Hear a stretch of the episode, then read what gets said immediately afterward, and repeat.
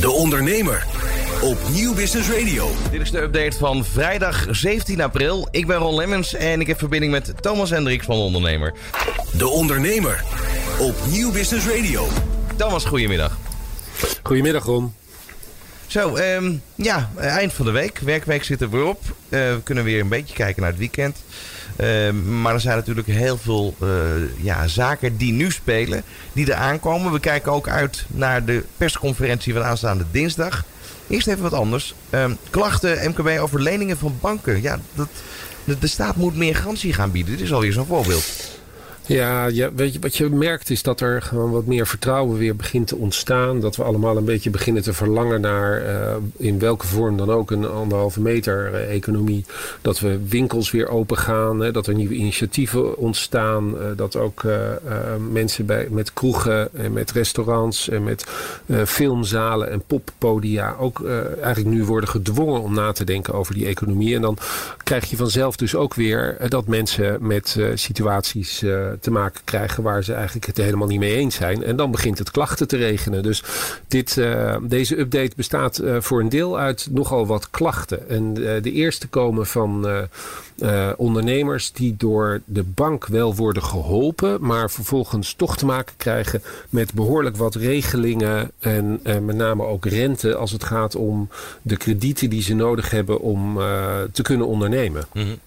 En ja, dat, dat is dan bij de banken de, klachten. Maar er zijn er nog veel meer. Um, maar wat kan de overheid nog doen? Want ze geven aan dat ze garant staan voor een x-bedrag. Maar dan? Ja, precies. Kijk, wat, wat ze gedaan hebben is... Er, is, er was een garantstelling van 50%. Die hebben ze opgeschroefd naar 75%. Wat aangeeft, uh, de staat zegt... Uh, banken geven ondernemers geld om verder te ondernemen. Wij staan voor 75% daarvan garant. Maar dat betekent dus dat banken... die ook gewoon ondernemingen zijn natuurlijk in de, in de meeste gevallen... Um, zelf dan ook weer een risico moet, moeten lopen. En dan dus lastiger gaan doen als het gaat om uh, leningen, met name grote leningen van 6 of 8 ton, die sommige bedrijven nu eenmaal nodig hebben om de boel weer op te starten en de gaten te vullen die uh, de afgelopen maanden zijn gevallen. MKB Nederland en VNO-NCW, de, de brancheverenigingen die, die vaak samen optrekken en uh, bij dit soort zaken ook vooraan staan, die hebben aangegeven dat, dat eigenlijk de staat voor 100% garant zou moeten staan, zodat banken niet moeilijk hoeven te doen. En daarbij doen ze niet alleen dat pleidooi voor de grotere ondernemingen die die tonnen nodig hebben. Maar vooral juist ook weer voor het MKB. Dat vaak met een lening van 10, 20.000 euro al geholpen is. Maar zelfs die dus niet op dit moment kan krijgen. Omdat het, uh, uh, die garantstellingen zo lastig liggen. Ja. Dus eigenlijk is gewoon de vraag, de, de, de reactie, de, de klachten hebben te maken met het feit dat niet iedereen bij banken terecht kan uh, voor het geld dat ze nodig hebben om weer te gaan ondernemen. En de vraag is van de brancheverenigingen, staat, ga, ze, ga garant staan voor het totale bedrag. En geef banken wat meer lucht, zodat ze wat makkelijker ondernemers kunnen helpen. Ja, dus, dus de houding van de bank is op zich ook wel best te begrijpen. Ja, kijk, dat is het lastige met banken. Aan de ene kant uh, um, uh, ben je blij dat je je geld uh, daar kunt krijgen, dat je het kunt lenen enzovoort. Maar word je geconfronteerd met rentetarieven die misschien niet helemaal passen in deze tijd. Maar aan de andere kant, een bank is ook een bedrijf. Het is een beetje hetzelfde discussie in, in het groot dan in dit geval. Maar dezelfde discussie als huurders en verhuurders. Verhuurders die op een gegeven moment met huurders te maken krijgen die geen huur meer kunnen betalen. En dan zeggen, ja, weet je, we willen best met jullie praten. Maar aan de andere kant, weet je, moet jullie probleem opeens ons probleem worden. Dus ook hier geldt samen praten, samen uh, iets regelen. En de staat, die, die uh, zo bezig is om iedereen te helpen, ook in dit geval over de brug en die 100% staatsgarantie. Uh, garantstelling uh, regelen. Duitsland doet het al trouwens. Mm -hmm. daar, uh, daar gebeurt het al. En vooral dus ook voor die minder hoge bedragen. En dat is denk ik waar het nu om gaat. Hè. Die MKB, ja. de motor van onze economie, die moet ook weer op gang worden ge ge gebracht. En daarvoor is die, die steun nodig, of de garantie van de staat, zodat banken wat makkelijker richting MKB-ondernemers kunnen zijn. Ja, nou, lekker positief. Maar er zijn nog meer klachten over het tegoedbon van een vliegtuigmaatschappij voor de geannuleerde vluchten. Wat, wat zijn de klachten? Dus... Zijn er klachten dat mensen eigenlijk, eh, passagiers, eh, eigenlijk gewoon hun geld terug willen in plaats van een tegoedbon? Ja, kijk, er is al veel te doen geweest over. We hebben het er vaker over gehad. Uh, de, de reisbranche had sowieso natuurlijk een probleem dat alle uh, vakanties die in maart waren geboekt of in april waren geboekt, allemaal geannuleerd werden. En dat de reisbranche eigenlijk voor dat hele bedrag op moest komen. Niet alleen voor het bedrag dat door de klanten, de, de consumenten aan de reisbranche was betaald, maar ook nog eens een keer voor de bedragen die aan de hotels en de luchtvaartmaatschappijen waren betaald. Om überhaupt mensen van uh, Nederland naar bijvoorbeeld Spanje te krijgen. Nou, daarvoor hebben zij de corona-voucher in het leven geroepen. En uh, luchtvaartmaatschappijen, want niet iedereen gaat natuurlijk naar een reisbureau, maar boekt ook zijn vluchten bijvoorbeeld rechtstreeks via, ik noem maar even KLM of Transavia of een andere luchtvaartmaatschappij. Die luchtvaartmaatschappijen die um, ook al hun vluchten hebben geannuleerd, die willen nu ook een tegoedbon aanbieden. Maar het lastige van die tegoedbon in vergelijking met die van de reisbureaus, is dat de tegoedbon van de luchtvaart niet gedekt is. Ja, precies. En dus... dat wil zeggen dat als het niet gedekt is, dat op het moment dat zo'n luchtvaartmaatschappij failliet gaat, dat er um, geen geld is voor de, uh, de terugbetalen van de, de reissommen die, die mensen hebben uh, betaald om tickets te boeken. Die uh, dekking is er wel bij de, bij de ANVR aangesloten reisbureaus. En dat is het verschil en daar doet het nu pijn. En die klachten die regenen bij ANWB bedoel ik en Consumentenbond. En die, hebben het, die, die zeggen ook van jongens, hier is gewoon een andere regeling nodig en er moet meer onderbouwing zijn. En dus, bij wie kloppen ze aan? De overheid. Juist, de overheid. Ook hier, hè, niet alleen de overheid uh, die, die uh, diep in de buidel gaat tasten om de KLM bijvoorbeeld uh, op de been te houden. En daarmee dus bijvoorbeeld ook Transavia trouwens. Maar ja. um, ook hier een, een bepaalde vorm van dekking of garantiestelling. Zodat mensen het kunnen accepteren dat ze in dit geval een tegoedbon krijgen voor de tickets die ze hadden gekocht voor bijvoorbeeld mei en die nu geannuleerd zijn. En daarbij willen ze dan ook nog eens een keer, de ANWB en de Consumentenbond willen graag dat dat niet pas, dat die, die tickets niet een jaar lang, of die tegoed goedbon niet een jaar lang geldig is, maar uh, bijvoorbeeld maar een half jaar. En dat er binnen een half jaar of een andere vlucht moet plaatsvinden of een uh, terugbetaling. Ja, en dan nog wat anders. Er is weer een nieuw koffiecollege. Ja, we hebben een nieuw koffiecollege. Elke dinsdag en vrijdagochtend om 11 uur uh, zetten we er eentje live. En vanmorgen is live gegaan het, uh, het uh, koffiecollege van Media Nanny José Woldring. Zij is de, de PR en, en voor een deel ook de marketingmanager van hele grote DJ's zoals Martin Garrix en uh, David Guetta, die op dit moment natuurlijk eigenlijk niet zoveel te doen hebben.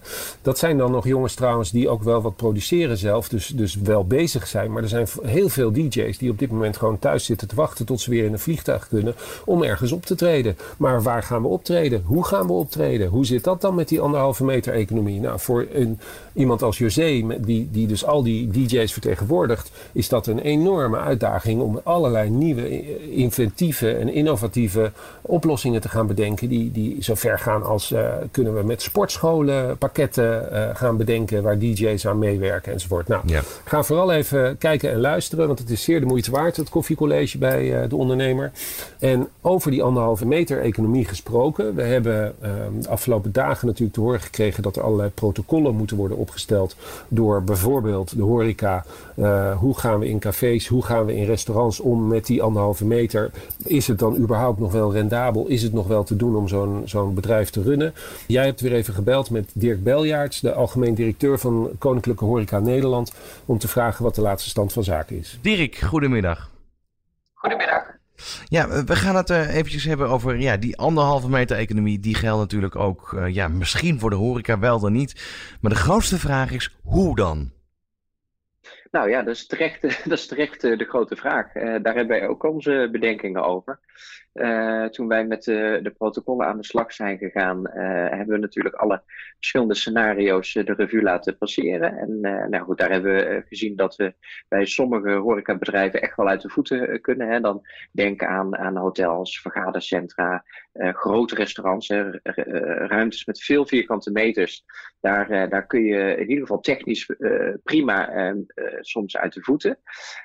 maar we hebben ook, als we het even over de, de technische haalbaarheid hebben, hebben ook gezien dat uh, nou ja, goed, een klein, uh, een klein kroegje zoals je ze kent uit de binnenstad van de verschillende steden. ja, daar wordt het ook technisch wordt het gewoon heel, ehm, heel moeilijk. Hè? Dan heb je een, een, een klein kroegje waar je normaal met 20, 25 mensen dicht bij elkaar, op elkaar gepakt, gezellig een avond hebt. nou ja, waar je dan nu in theorie eigenlijk dan met drie gasten zou kunnen hebben, inclusief, inclusief de uitbaten zelf. Uh, vanwege de kleine oppervlakte. En dat, dat als bijvoorbeeld een van die gasten naar het toilet wil, wat vaak ook uh, kruip door, door nog om een hoek is, ja. dan moeten er eigenlijk twee andere gasten even op straat wachten totdat die gast weer terug is, om die anderhalve meter te bewaren. Dus nou ja, aan de technische kant zien we dat dat. Um, dat dat best wel uh, moeilijk uh, in te uh, passen is. Hè? Ook als, als personeel gewoon ook, ook echt niet dicht, dichterbij mag komen. Dat betekent dat je eigenlijk alles zou, zou moeten afhalen. en gasten alles zelf moeten terugzetten. Nou, dat wordt een hele rare situatie. Los van dat dat niet in ons DNA zit qua gastvrijheid. Maar waar we ook achter zijn gekomen is dat het uh, uh, eigenlijk ook eh, financieel helemaal niet rendabel is uh, om open te gaan voor veel bedrijven. En dan moet ik wel bij zeggen dat dat natuurlijk niet voor iedereen is. Nee, maar wat, zijn... wat, wat zijn er horecabedrijven ja. met een oplossing? Ja, zeker. Nee, er zijn, er zijn horecabedrijven, er zijn ketens, hotelketens, fastfoodketens die daar heel proactief mee bezig zijn gegaan. En die hebben echt gekeken naar de mogelijkheden binnen hun, uh, binnen hun bedrijven om uh, daar een oplossing op uh, te zoeken. En dat doen ze dan bijvoorbeeld met looppaden of tafels verder uit elkaar. en daar zie je, daar, daar, zie je heel, heel veel mo mooie mogelijkheden ontstaan. dus die zijn er zeker, die, die voorbeelden gelukkig. Maar er zijn er natuurlijk ook die met de handen in het haar zitten, omdat ze het gewoon ook e eenvoudig technisch niet weten hoe ze het voor elkaar zouden moeten krijgen, omdat ze gewoon heel weinig vierkante meters hebben. of om, nou ja, denk maar aan een discotheek. ja, weet je, als daar normaal 300 mensen binnen staan en dan mogen er nu nog maar, uh, maar 25 staan. Ja, dan, dan hoeven we niet uit te rekenen dat, dat de sfeer alleen al zorgt dat daar gewoon nooit meer iemand heen gaat. Dus nee. Als je, als je dan bijvoorbeeld even echt kijkt naar de discotheek en daarover over hebt. Hè, dat, dat, zijn, uh, dat zijn zaken die twee, drie dagen in de week open zijn. daarvan moeten hebben. Dus niet eens ja. alle dagen open kunnen zijn. Uh, dan daarbij ja, 300 mensen op elkaar gepakt. Um, ja, het scenario is is bijna uit te tekenen dat we de komende maanden dit nog niet gaan zien. Nou ja, kijk, dit, dat is niet aan ons om dat uh, uit te tekenen. De, de, de overheid is degene die de, uh, die de beslissingen neemt op dit uh, vlak. Het enige wat wij kunnen doen is waarschuwen voor, voor de gevaren voor de ondernemers. Uh, die zijn degene die, uh, nou ja, die, die, in de donkere tunnel zitten op dit moment en, en, uh, en voorlopig nog geen lichtpuntje zien aan het einde. Bij restaurants is daar wel al meer in een vorm van oplossing te bedenken? Ja, maar ook, ook dat heeft ook wel weer voor een groot deel met vierkante meters te maken. Hè. Bij, bij, bij, als je veel ruimte hebt, dan kun je ook makkelijker looppaden maken waarin je, waarin je een onderscheid maakt tussen mensen die naar binnen gaan, naar buiten gaan, iets gaan afhalen bijvoorbeeld. daar kun je tafels ook wat ruimer uit elkaar zetten. Um, alleen dan in veel gevallen loont het uh, nog niet. Hè? Dus dan kan het technisch wel, maar dan is het nog steeds niet de moeite eigenlijk om het te doen, omdat je uiteindelijk nog steeds met de verlieslatende activiteit bezig bent. Ja, en wat is de rol en wat, wat kunnen jullie betekenen als uh, Koninklijke Horeca Nederland? Nou ja, wat wij natuurlijk doen is proberen de, uh, de, de realiteitszin uh, iedere keer weer boven tafel te krijgen. Omdat we, wij, wij kennen de sector, het is onze sector. En we weten wat, wat wel en niet kan. En het moeilijk is, en dat, ik begrijp helemaal dat een overheid nooit voor alle sectoren en alle beroepen goed inzichtelijk kan krijgen wat, wat de effecten zijn. Uh, en daar willen we graag bij helpen om met concrete voorbeelden uh, aan te geven hoe, hoe zoiets zou uitwerken. Dat hebben we ook gedaan, daar hebben we ook berekeningen bij uh, gestuurd.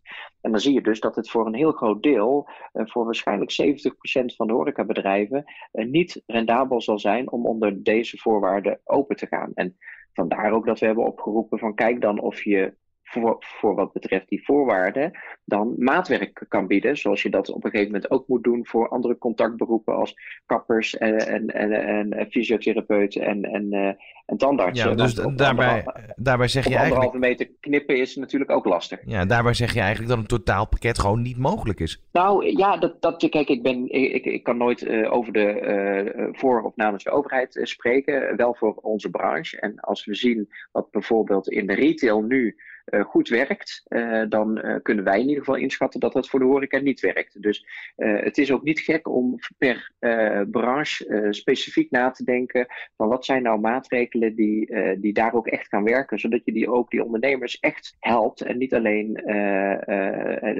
dat ze de deur open mogen doen, maar uiteindelijk financieel nog steeds achteruit gaan. Dus natuurlijk even afwachten wat er dinsdag door de overheid verteld wordt aangezien de maatregelen. Maar wanneer verwacht je dat er meer duidelijkheid komt voor de horeca? Nou ja, wij hopen ook dinsdag natuurlijk om, om, om daar te horen hoe men heeft, het pad heeft gezien om ook de horeca te openen. iedereen weet, en, en ook premier Rutte is er heel duidelijk in geweest, van dat gaat natuurlijk niet gebeuren dat alles van op de een op de andere dag weer is zoals het was. En dat alle deuren weer open gaan. Dat, dat, dat begrijpt iedereen. Daar is ook bij de horecaondernemers alle begrip voor. alleen men wil wel heel graag weten waar men aan toe is. en wil graag een datum, wil ergens naartoe kunnen werken, afspraken met personeel kunnen maken erover. Alles moet ook opstarten. Leveranciers kunnen ook niet van de een op de andere dag van 0 naar 100 uh, omschakelen. Dus, dus die, die, die, die stip op de horizon van wanneer market en in, en in welke vorm, uh, die is wel echt essentieel. Dirk Beljaarts van Koninklijke Horeca Nederland. Dankjewel voor nu en we spreken hier binnenkort weer. Graag gedaan. Tot zover deze update op Nieuw Business Radio. Maandag om 5 uur zijn we er weer. Tot dan. De Ondernemer op Nieuw Business Radio.